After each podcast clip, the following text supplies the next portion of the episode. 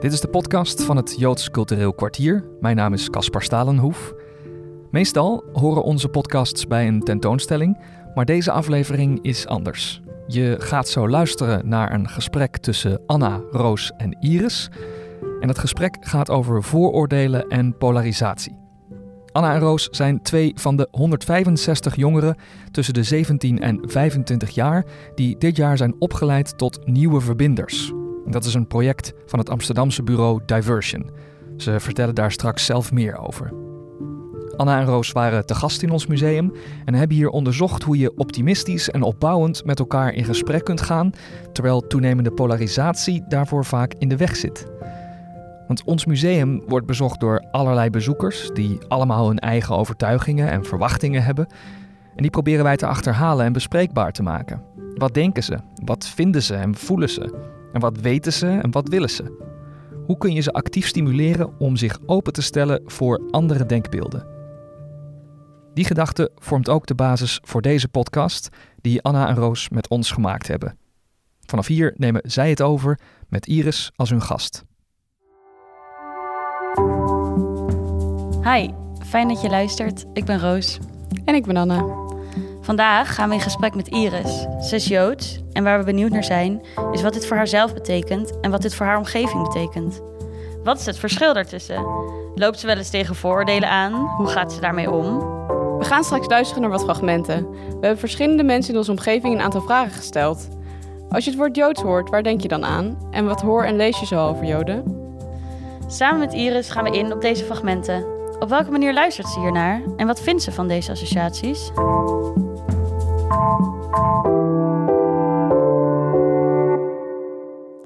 De Nieuwe Verbinders is een initiatief van Diversion.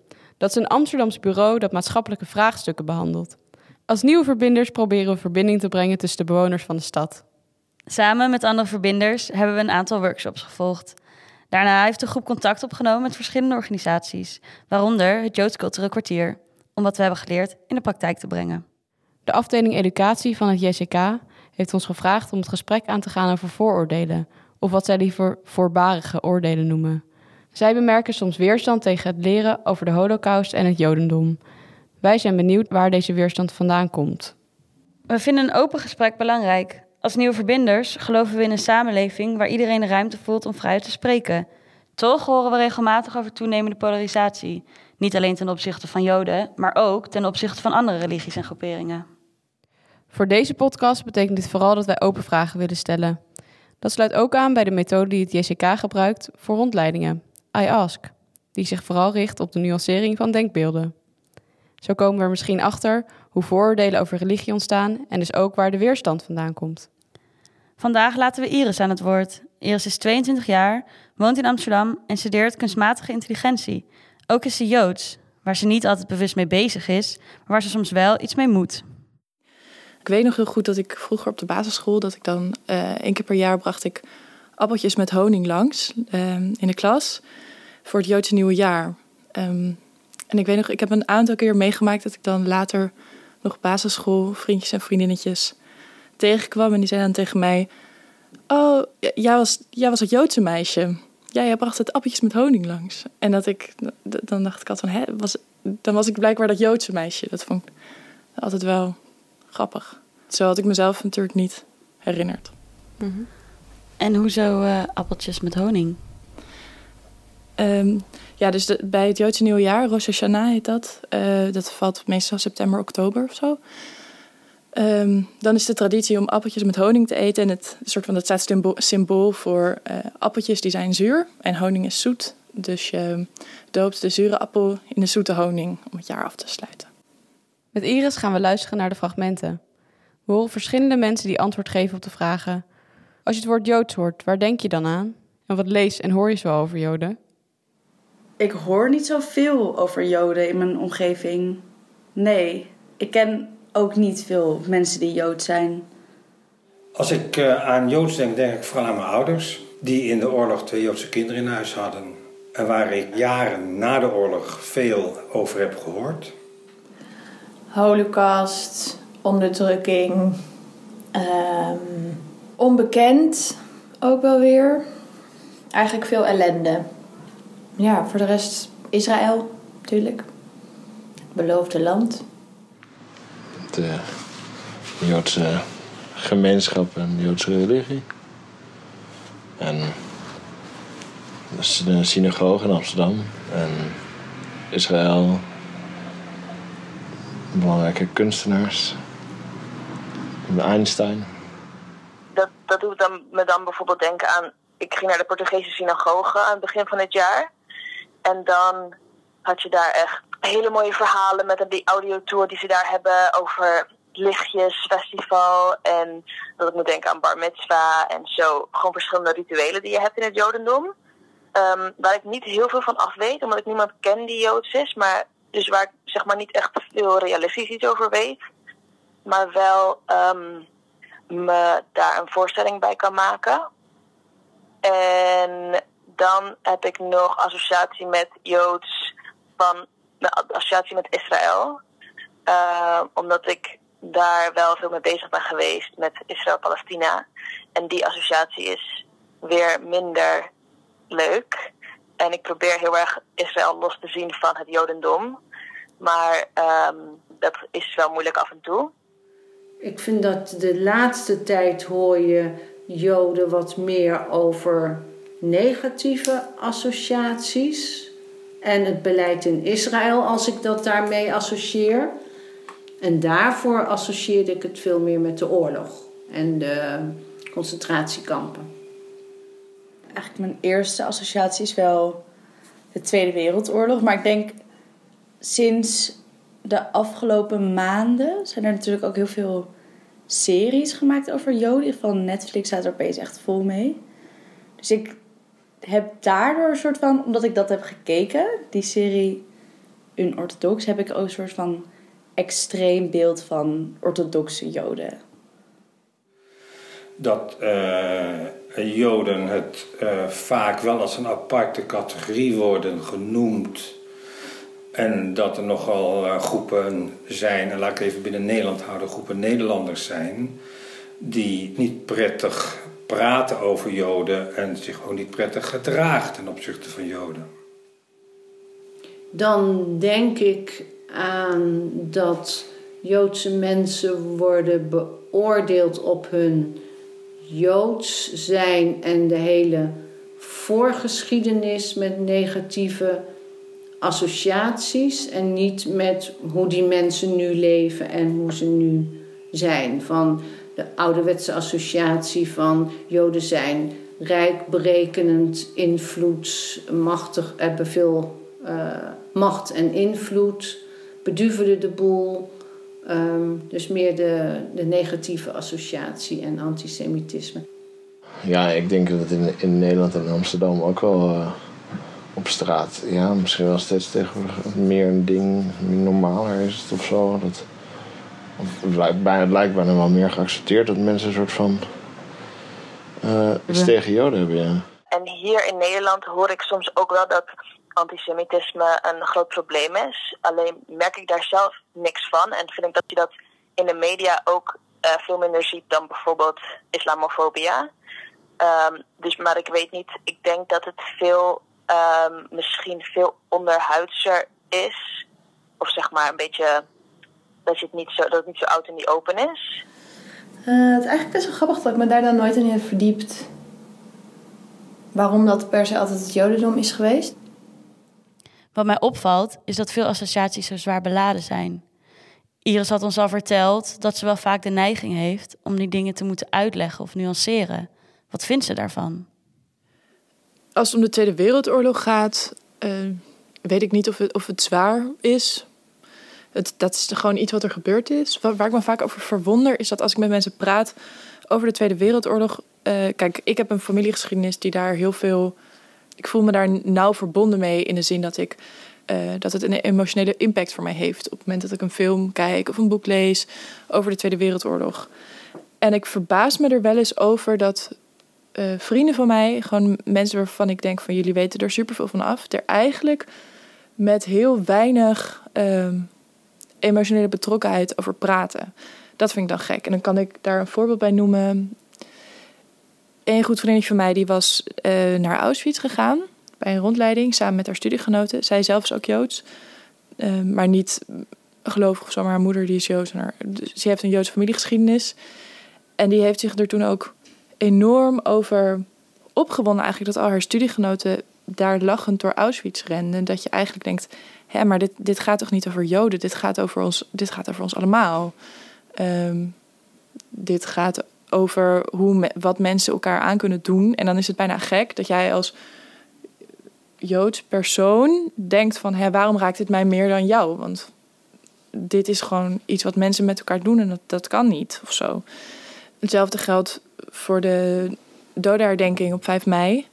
Dat als, ja, dan is er een moment stilte en dan, dan heb je maar twee minuten nodig. Maar dat hoeft natuurlijk niet. Maar mij eindigt dat altijd. Er rolt altijd zeg maar wel een traan over mijn wang. Omdat ik die emotionele verbindenis zoek bij dat herdenkingsmoment. Um, en dat ik ook heel veel mensen ken die daar eigenlijk niet eens naar omkijken. Maar dat vind ik, dat vind ik soms wel gek. Want dan denk ik, oké, de Tweede Wereldoorlog, daar werden Joden gediscrimineerd. Um, maar dat gaat over mensen.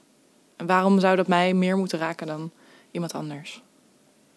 Ja, het is, het is natuurlijk raar dat je je meer aangesproken voelt dan de mensen om je heen die eigenlijk verder hetzelfde soort betrokkenheid hebben bij, bij discriminatie en vervolging en racisme en, en antisemitisme als jij.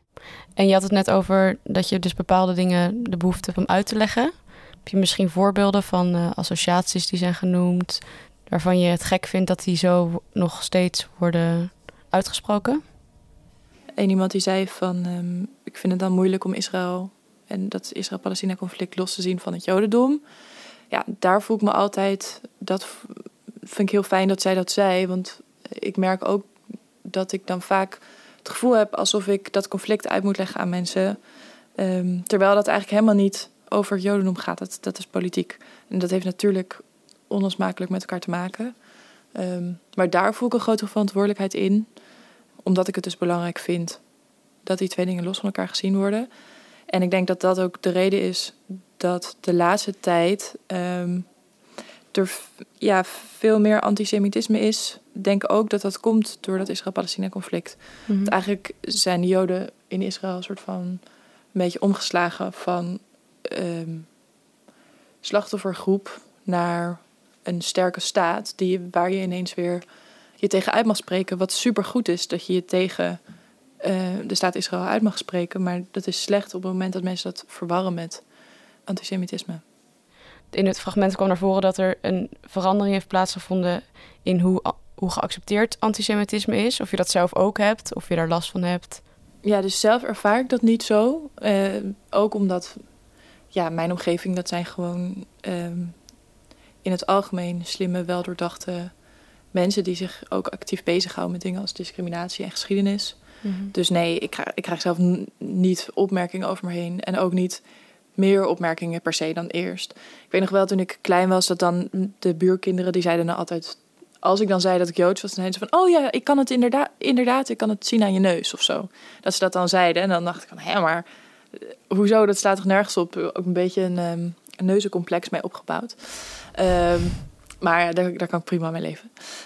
Um, dus dat is meer iets wat kinderen zeggen. En die herhalen dan, denk ik, hun ouders. Want waar halen ze dat soort ideeën vandaan? Dus dat is eigenlijk alleen maar minder geworden.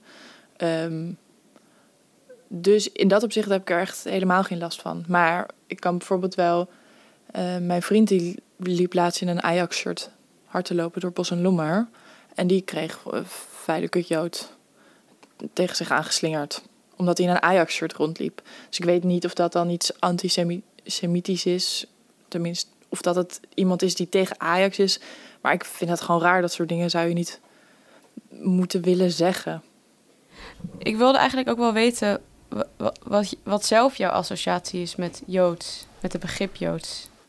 Mijn eigen associatie um, ja, is toch de, de Joodse feesten, denk ik. Dus op dezelfde manier als dat je bij het christendom kerst viert, Joden Pesach en Chanukka en op, op die manier heb je gewoon andere tradities. Um, zoals ook appeltjes met honing. Dus dat zijn mijn associaties. En ook, ja, het is natuurlijk niet alleen religie, maar er zit ook een beetje een cultuur aan vast. Bijvoorbeeld dus wat we ook hoorden, je hebt, er is een hele typische Joodse humor die ook heel grappig is. En dat, dat ken je alleen als je daar veel mee in aanraking komt. Ehm, Denk je dat die Joodse humor speelt die in op stereotypen die zoals wij ze kennen van Joden? Of is dat iets wat eigenlijk heel erg veel meer onder Joden speelt en niet zozeer in relatie is tot wat andere mensen voor grappen maken over Joden? Of speelt er juist wel een hele grote overlap? Ja, er is dus sowieso wel een, grote overlap. Dus eh, er zijn bepaalde dingen die terugkomen in Joodse grapjes. Dus bijvoorbeeld heel erg een slachtofferrol aannemen. Of eh, altijd van, ach, wat hebben, het, wat hebben we het zwaar gehad. Dat, het, dat, dat, dat het is ook wel een beetje een running gag... dat Joden een eeuwige opeenvolging van ellende meemaken. Door de geschiedenis, dus daar worden va- vaak grappen over gemaakt. Ehm, ja, en het is natuurlijk op het moment dat ehm, jij als groep voor bepaalde dingen wordt uitgemaakt, dan eigen je dat ook toe om daar grapjes over Ja. te kunnen maken. Ehm, dus ja, er worden onder Joden ook wel eens grapjes gemaakt over, weet ik veel, ehm, gierig zijn of veel eisend. Maar die worden gemaakt omdat als jij dat zegt, dan weet je dat dat niet waar is, weet je wel. Ja. En daarom is het grappig. Worden ook holocaust grappen gemaakt. Ja. Eh, de, de naarste grap over de holocaust, die maken Joden zelf. Ja. Ehm, Wat vind je zelf van de, van de stereotypes die toch nog wel steeds overal rondzweven over Joden? Misschien, ja, misschien. Waar komt dat eigenlijk, even los hiervan, ik weet niet, waar komt dat vandaan? wat? Waar, nou, waar is dat begonnen? Is dat, was dat, is dat hoezo? Is er, is er een stereotypering dat Joden heel rijk zijn, bijvoorbeeld? Want ik heb het idee dat het al in de middeleeuwen al mensen al dit soort dingen zeiden. Joden zijn best wel een ou- oud volk. Hè? En als je teruggaat naar de Joodse geschiedenis. We, bij Pesach vier je dat Mozes de Joden uit Egypte heeft geleid. De Joden waren daar slaven voor de farao om ehm, die piramides te bouwen. Dus dat is al niet een heel prettig bestaan. En dat is eigenlijk een soort van... Dat is al een paar duizend jaar geleden zogenaamd afgespeeld. En sindsdien zijn Joden dus eigenlijk de hele tijd van plek naar plek gereisd. En worden ze overal weer weggejaagd en opgesplitst. En dan komen we op een gegeven moment... dan zijn ze in het gebied waar nu eh, Israël ligt... En dan worden ze weer door de Romeinen, worden ze daar weer opnieuw, door de diaspora worden ze weer verspreid. En dan komen ze weer in alle landen in heel Europa en rond de Middellandse Zee, vormen er weer Joodse gemeenschappen. En die zijn dan overal een minderheid. En het is natuurlijk niet een verrassing dat als je een minderheid bent ergens en je weigert om het algemeen geaccepteerde geloof aan te hangen, dat je best moeilijk hebt op sommige plekken. Maar bijvoorbeeld dat Joden rijk zijn, dat heeft best wel een, een, een heldere verklaring. Als je bedenkt dat Joden in Europa heel veel bev- bevoegdheden tot bepaalde beroepen niet mochten doen. Dus Joden werden eigenlijk, eh, mochten bepaalde beroepen niet doen omdat zij Joods waren. Dus Joden mochten ook in Nederland bijvoorbeeld niet lid zijn van een gilde. Een gilde is dus een, eh, wat nu eigenlijk bijna een soort vakbond is. Dus een eh, groepering van mensen die één bepaald beroep doen. Bijvoorbeeld bakker zijn of slager, weet ik veel. Dat mochten Joden allemaal niet doen. Eigenlijk ieder beroep waar een gilde voor was, daar mochten Joden niet aan meedoen. En eh, dat resulteerde erin dat ehm, Joden andere beroepen ging doen. En volgens mij is een van de beroepen die ze wel mochten doen, was bijvoorbeeld handelen. Eh, en volgens mij mocht je ook bankier zijn. Dus in ieder geval, je mocht handelen. En Joden, ja, je had heel veel Joodse netwerken in heel Europa. Dus dat handelen, dat ging best goed. En je mocht bankier zijn. Dus je mocht aan mensen leningen verstrekken en er rente voor vragen. Nou, drie keer raden wat voor associaties daaraan zitten. Ehm, maar dat betekent niet dat Joden in het algemeen rijk waren. Ik denk verre van, want ze hadden in het algemeen veel minder kansen in Europa dan heel veel andere mensen. Ze konden niet zomaar gaan doen wat ze wilden. Ehm, dus dat is denk ik een verklaring voor dat er misschien enkele rijke Joden waren die bijvoorbeeld bankier waren, waar mensen dan dachten oh, die zijn gierig, want die willen, die zitten alleen maar, zijn alleen maar met geld bezig en met handelen. Dus ik denk dat daar dat stereotype vandaan komt. Misschien ook wel als je dan een, wat jij net zei over een minderheidsgroep makkelijk als soort zwart schaap kiezen. Dan heb je natuurlijk ook de loop op die groep. Dus dan kan ik me voorstellen dat als je een, een deel van de Joden bankier is, dat je er dan ook uitkiest om daar mee aan de haal te gaan. Ja, precies. Terwijl, terwijl eigenlijk het grootste deel van de Joden hartstikke arm waren. Ehm, En werd gediscrimineerd. en werd gediscrimineerd. Precies. Ehm, en het vooroordeel dat Joden eh, slim zijn, of, zo, of zogenaamd slimmer dan, dan ehm, anderen, ja, ik denk ook dat dat niet waar is. Ik denk eh, dus er waren heel veel arme Joden die heel eh, slecht waren opgeleid. Waar ik, wat ik wel denk dat anders is bij het Jodendom dan bijvoorbeeld de islam of eh, het christendom, is dat Joden geacht worden om de Torah te kunnen lezen. Ja. En dat is dus ook iets wat niet bij het christendom geldt. En iets wat ook best Niemand zal van jou vragen dat jij de, dat jij de Bijbel kunt citeren wanneer, wanneer jij christelijk wil worden. Terwijl dat bij het Jodendom wel wat meer van je verwacht wordt. En dat is ook bijvoorbeeld als je als eh, jongen of meisje volwassen wordt, wordt er dus ook van je verwacht. En dan krijg je een bar, bar mitzwa of een bat mitzwa. En dan wordt er van je verwacht dat je hebt geleerd over het geloof. En dan word je volwassen. Heb jij dit ook gehad? Eh, nee, ik heb zelf geen bat mitzwa gehad. Eh, en ik weet eigenlijk niet waarom niet. Ehm, Ben je wel eens op een bat mitzwa of bar mitzwa ja, geweest? vaak genoeg. Ik denk dat ehm, mijn ouders die, die vonden het moeilijk om mij daartoe te dwingen om, ehm, om wekelijks dan naar de syna- synagoge te gaan en daarover te leren. Ik denk dat ze daar eigenlijk een beetje spijt van heeft, mijn moeder. Maar dat weet ik eigenlijk niet precies. Eh, maar zij dachten dat ik daar geen behoefte aan had, terwijl ik was dan twaalf en ik wist helemaal niet of ik daar behoefte aan zou hebben of niet. Mijn ouders zijn niet religieus. Nee. Mijn ouders geloven niet in God. Ik ben atheïstisch opgevoed, maar ik ben wel opgevoed met de Joodse cultuur. Dat betekent, ik vier de Joodse feesten, net als dat wij hier in Nederland Sinterklaas en Kerst vieren en Pasen en Hemelvaart en Pinksteren. Dus dat is, voor mij is het meer een cultureel ding dan een religieus ding. Mhm. En op die manier voel ik me verbonden met het Jodendom en niet als het gaat om God. Mooi dat het ook zo kan. Zou je het ook leuk vinden als wat meer mensen ook de Joodse feesten zouden vieren in plaats van eh, alleen Sinterklaas?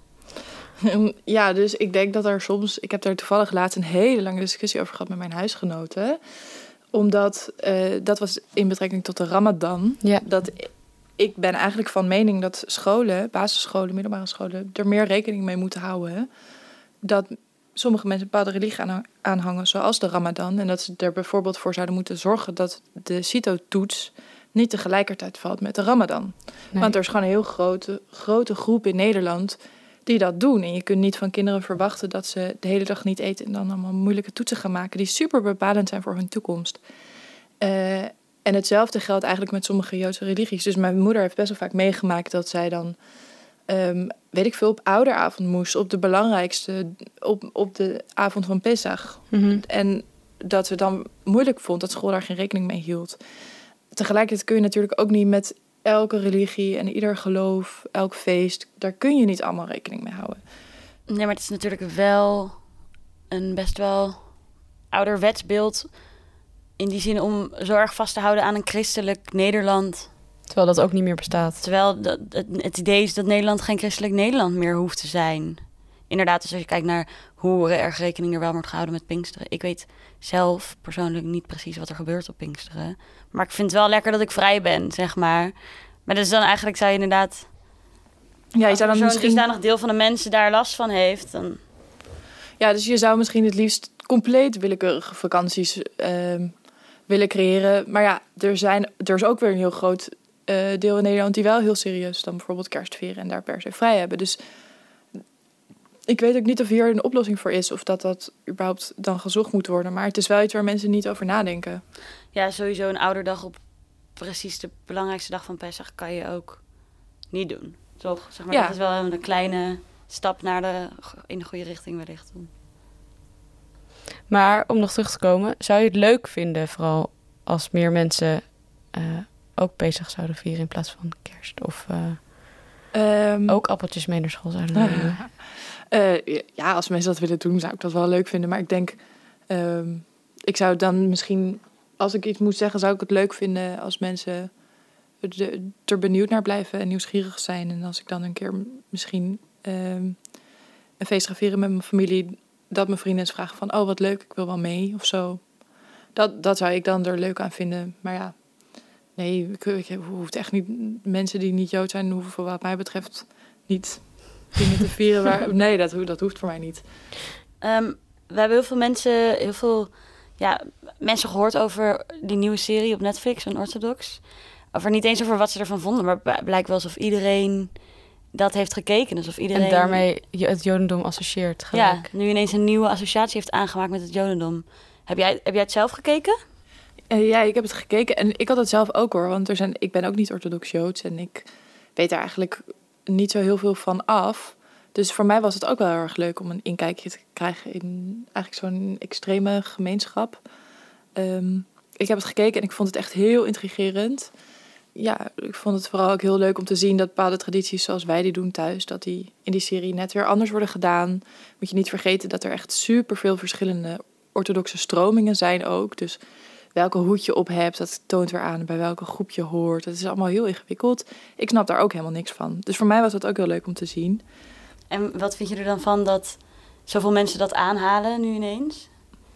Nou, ik vind dat dus, ik vind dat eigenlijk wel leuk. Ik vind ook wel, kijk, de kritiek erop is natuurlijk van, oh, nu worden Joden neergezet als super eh, orthodox en extreem gelovig en onderdrukkend. Dat is het kritiek erop. Ehm, wat ik begrijp. Maar ja, dit is ook maar één verhaal. En ik denk dat iedere kijker voor zich dat zou moeten bedenken. Dit is één verhaal en er zijn nog honderden andere verhalen over andere manieren waarop mensen hun eh, religie uiten. Mhm. Heb je zelf ook wel eens dat je dingen hoort over Joods of Joden die je, die je niet echt niet aanstaan? Dat mensen dingen zeggen over hoe ze denken dat Joden zijn en dat dat, dat me niet Mhm. aanstaat. Nou ja, dus echt van die stereotypen zoals Joden hebben een grote neus of Joden zijn gierig Mhm. of zo. De, dat- ja, dat staat me natuurlijk helemaal niet aan, maar ik weet dat dat niet waar is. Dus ik ehm, trek me dat niet zo aan. Maar bijvoorbeeld, ik had wel laatst, dat was dit jaar ook weer ophef over, over een aantal paradekarren bij carnaval in een aantal plekken in Nederland en België. En dat er daar paradekarren liepen waar. Dus dan moet je je voorstellen, net als dat je bij Sinterklaas ook allemaal van die karren hebt waar allemaal leuke Mhm. mensen op staan. Dat er bij, bij, de, bij carnaval dan karren waren met joden met zo'n orthodoxe, met, met zo'n hoed op en dan ratten op de schouders en zakken geld op de paradekar. En dat wordt gewoon anno 2020 nog gebruikt. En dan denk ik van, hè, maar eh, waarom, zou, waarom zou je dat doen? Wat is En daar ook grappig of leuk aan? Ik snap dat niet. Er liep toch ook mensen rond in een soort van ehm eh nazi-pakken? Eh, Ja, dat soort- ook Ja, inderdaad. dat Ja, vond ik ook heel raar. Dat dat... Maar ik vraag me dan af, uit wat voor hoek komt dat? Wat zijn dat voor mensen die een paradekar hebben? Wat zijn dat voor mensen? Zeg maar, of die mensen met die paradekar. Ja, ik, ik weet het niet. Er was ook laatst een fragment over een of andere man in België die een soort van natiemuseum had gebouwd in zijn huis, omdat hij zo erg een nazi-sympathisant was. En die was toen aangeklaagd voor antisemitisme, volgens mij. Ehm, maar zijn claim was, nee, ik, het gaat niet om jodenhaat, maar ik vind de na- nazi-beweging gewoon zo mooi. Of zo. Ja, kun je die dingen van elkaar onderscheiden? Ik denk van niet. Nee, Ehm, kan je dat zeggen? dus ja. ik denk dat het dan te maken heeft met een soort van. Misschien in een bepaalde hoek gebrek aan een soort van maatschappelijke bewustheid of zo. Van wat er echt allemaal speelt. Ja, want ehm, eh, er werd ook genoemd dat het le- wel leek alsof het antisemitisme op straat steeds meer wordt geaccepteerd. En eigenlijk ook dat er wel een bepaalde toename is van antisemitisme, vooral op het internet. Wat vind je daarvan? Link Voel je dat ook? dat ook zelf? Nou, dit is dus echt heel grappig. Ik, nee, ik merk er zelf helemaal niks van. Dus Nee. mensen sturen allemaal s- stickers door hè, met Hitlergroeten en weet ik veel wat. Maar dat sturen ze niet naar mij. Niet de chats waar ik in zit. Mhm. Ehm, en ik had daar dus. eh, ja, ik ben ook wel benieuwd wat jullie daar dan van vinden. Zijn dan dus. eh, worden allemaal memes gestuurd over. met, met Hitlergrappen en zo. Ehm, en toen had een vriendin van mij. die kreeg zo. haar vriend liet dat zien dat het in een of andere jongensgroep werd gestuurd. Want hij zei: Ja, kijk, dit is echt niet oké. En dat zij toen zei: van, Hé, maar dat is ook niet oké. En dat hij zo was van: Ja, oké, maar. Het wordt toch wordt niks lulligs mee bedoeld. En toen vroeg zij aan hem, aan haar vriend dus, van ja, maar zou je dit dan aan Iris laten zien? En toen zei hij, nee, nee, nee, natuurlijk niet. Ja. Ja, ik vind het zelf best wel heftig. Ook zo'n eh, die paradewagens en eh, verkleed gaan als een nazi. Dat dat. Ik, ik dacht dat zoiets echt niet oké was. En ik vind het zelf ook echt niet oké. Dat dat toch wel gewoon gebeurt. Ik snap ook niet helemaal waarom dat gebeurt. En dat mensen dan dus het idee hebben dat het oké is zolang ze niet in directe contact komen met degene waar ze het eigenlijk over hebben of zo. Dus dat ze zeggen van. Dus wat jij, precies wat jij Ja. zegt, ik zou dit nooit aan Iris laten zien. Terwijl je, je zegt het wel en je houdt het dus wel in stand. Alleen je denkt dat het geen kwaad kan omdat jij daar. Omdat ik het dan omdat niet jij hem niet recht in de ogen aankijkt op het moment dat hij dat laat zien, zeg maar. Ja, dus dat is ook gek. En dat geeft dus ook aan dat mensen eigenlijk in hun onderbuik donders goed weten dat het niet kan. Ja. Ehm, ja, dus dat vind ik ook wel gek. En ik zou dan eigenlijk liever willen dat mensen dat wel in mijn gezicht laten zien, want dan kan ik weerwoord hebben. Mhm. Ja, tuurlijk. Ze ontnemen jou ook gewoon de, überhaupt de mogelijkheid om hierop te reageren. Terwijl je dus wel weet dat het, dat het gebeurt. Ja. Ja, en het gebeurt dus ook heel veel in middelbare schoolchats en zo, dat er eigenlijk heel veel antisemitische dingen worden gezegd, omdat er één kind in de klas dan Joods is en dat weten, weten de andere leerlingen. Er worden heel veel opmerkingen over gemaakt in WhatsApp-groepen. Er zijn ook heel veel meldingen van geweest. Heftig.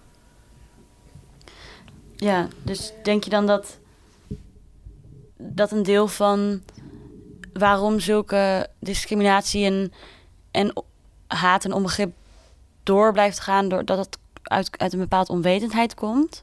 Dus een bepaalde gesprekken die gevoerd zouden moeten worden of contact dat gelegd zou moeten worden wat nu niet gebeurt? Ja, ja, dat denk ik wel. Ik bedoel, niemand zou, als hij willens en wetens doorheeft wat de maatschappelijke lading is van wat hij zegt, of emotionele lading als je iets tegen een persoon zegt, dat diegene dat dan ook echt zou doen. En dat geldt eigenlijk niet alleen voor antisemitisme, maar voor iedere vorm van discriminatie. Ehm, Mhm.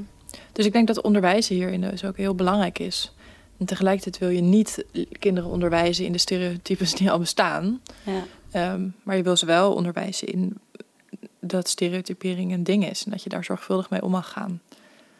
Ja, en dat, ja, dus niet ontkennen dat het bestaat, maar er ook geen gehoor aan geven misschien. Ja.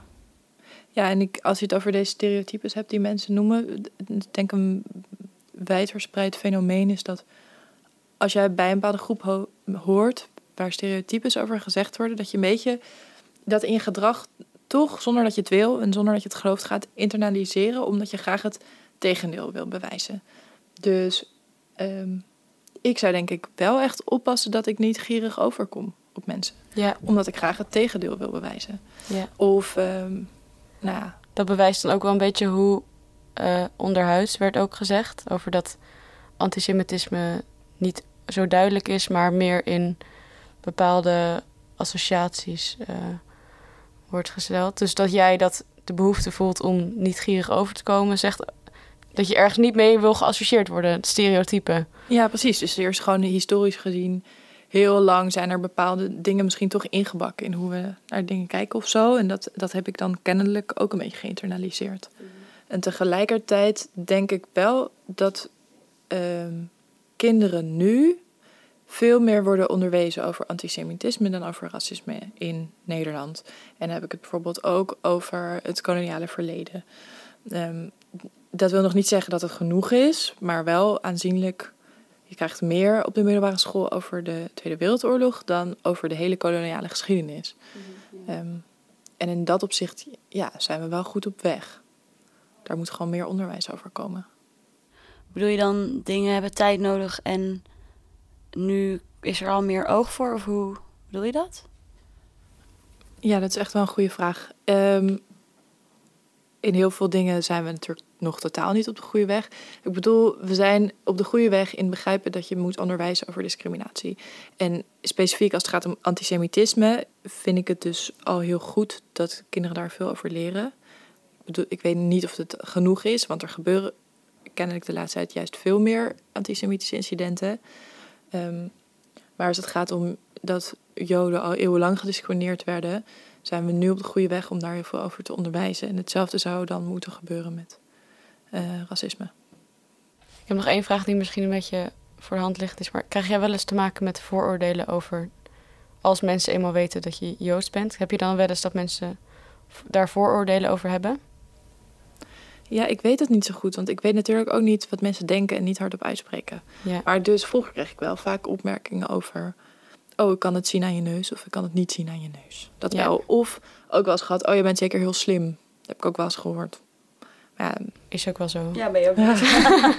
ja, dat komt dus Toeval. omdat ik Joods ben. Ja. Ehm, gemiddeld een IQ van 10 hoger. Ehm, wat ik daar wel aan kan toevoegen is dat ik me. ehm, dus omdat mensen niet vaak niet aan mij zien dat ik Joods ben, dat ik dan soms wel ik denk, wel eens dan. Dan is er een moment dat ik dat dan zou moeten zeggen of zo. En ik merk dat ik dat soms niet zeg bij mensen bij wie ik me niet veilig voel. Vooral op vakantie niet, want je weet niet hoe mensen daar dan over denken. Ehm, en dan zeg ik dat soms niet. En dat voelt eigenlijk helemaal niet goed. Omdat ik denk van ja, ik zou het eigenlijk wel moeten zeggen. En daar ook het, dan die ander de mogelijkheid moeten geven om daar gesprekken over te voeren. En ik kan hier ook dus wel een voorbeeld bij geven. Ik was een keer op een zomerkamp. Toen was ik de 16 of 17. En er waren mensen van over de hele wereld. Ehm, en toen op een gegeven moment in een gesprek kwam ter sprake dat ik Joods was. En een tijdje later kwam een meisje, zij kwam uit Egypte. Zij kwam naar mij toe. En zij zei, Iris, ik vond het zo heftig om te horen dat jij Joods bent. Want ik kom uit Egypte en daar worden Joden echt gehaat. En nu zie ik dat je heel normaal bent.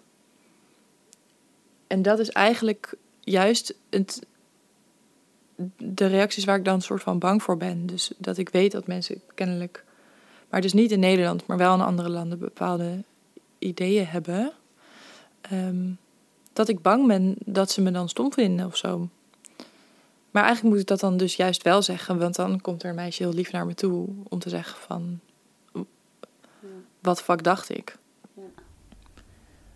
Maar het is aan de andere kant, kan ik me ook voorstellen dat je graag gewoon jezelf wil zijn en niet een verantwoordelijkheid wil dragen misschien voor het, het zijn van een, een deel van een Joodse gemeenschap met en, en dat meisje die daar dan een, een bepaalde tekening bij maakt.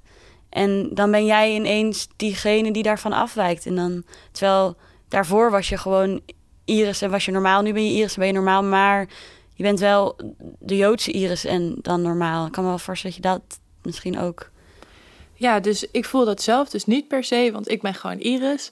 Maar als ik dan dus inderdaad een basisschoolvriendje of vriendinnetje tegenkom en die dat dan hebben onthouden, dan dat, dat, vind, dat vind ik dan gek. Ja, Want ik ben gewoon Iris. ja. Ehm, Maar ja, maar vind je dat jammer of vind je het opvallend? Of...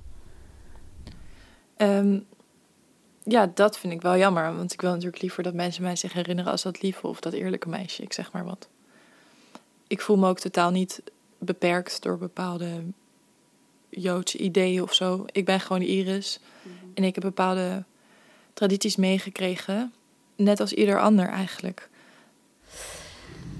Hey ehm, Iris, volgens mij, volgens mij hebben we, hebben we heel, veel, heel veel besproken eigenlijk. En heel veel, ja, toch ook nuance gebracht aan, aan de dingen waar we mee begonnen. En daar wil ik heel erg voor bedanken. Ik vond het een heel ja, goed open gesprek en ik heb ervan geleerd. Dank je. nou, ik, ik hoop dat je er wat aan hebt. Ja, ik hoop dat je het leuk vond. Ja. Mij is opgevallen dat eh, de geschiedenis van het antisemitisme zo ver teruggaat en zo gelaagd is. Ehm, en hoe dat soort verhalen uit de geschiedenis zich nog steeds kunnen manifesteren in ehm, vooroordelen die we tegenwoordig hebben.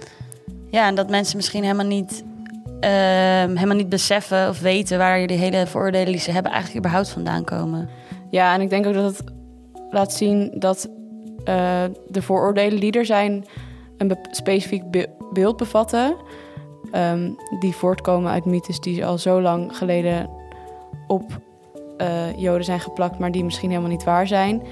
En dat er ook nog een werkelijkheid is ehm, waarvan mensen helemaal niks af weten. Bijvoorbeeld van feestdagen als Pesach. En waar dus ook geen rekening mee wordt gehouden. Ja, precies. Dat ze dus ehm, ehm, in hun vooroordelen eigenlijk al heel erg verweven zit. Wat voor beeld ze hebben van het leven van een Jood. En als je dan kijkt naar daadwerkelijke Joden in Nederland, dat die, dat, dat helemaal niet overeenkomt. Dat die eigenlijk eh, met hele andere dingen zitten of hele andere zaken mee bezig zijn dan die dingen waar eh, duizend jaren geleden ehm, bepaalde mythes over zijn ontstaan. Ja, en dan in die zin zou het ook heel erg leuk en interessant zijn om een keer eenzelfde soort gesprek te hebben met mensen met andere religieuze achtergronden. Om omdat zij dan weer natuurlijk tegen andere vooroordelen aanlopen die een, een andere geschiedenis hebben en die misschien weer botsen met hoe zij in de samenleving staan of hun dagelijkse leven indelen. Ja. Ehm, wat wij nu met Iris heel erg hebben gezien, maar dat, dat heeft natuurlijk iedereen op zijn eigen manier. Nou, Roos, we zijn nog lang niet uitgepraat. Ehm, ik denk wel dat gesprekken als deze zorgen voor meer begrip en wat minder weerstand. Ja, en dat eh, biedt natuurlijk mogelijkheden voor een eventuele volgende podcast met verschillende gasten van verschillende achtergronden. Dat was het voor deze podcast. Ik ben Anna de Wit. En ik ben Roos Kousen en bedankt voor het luisteren.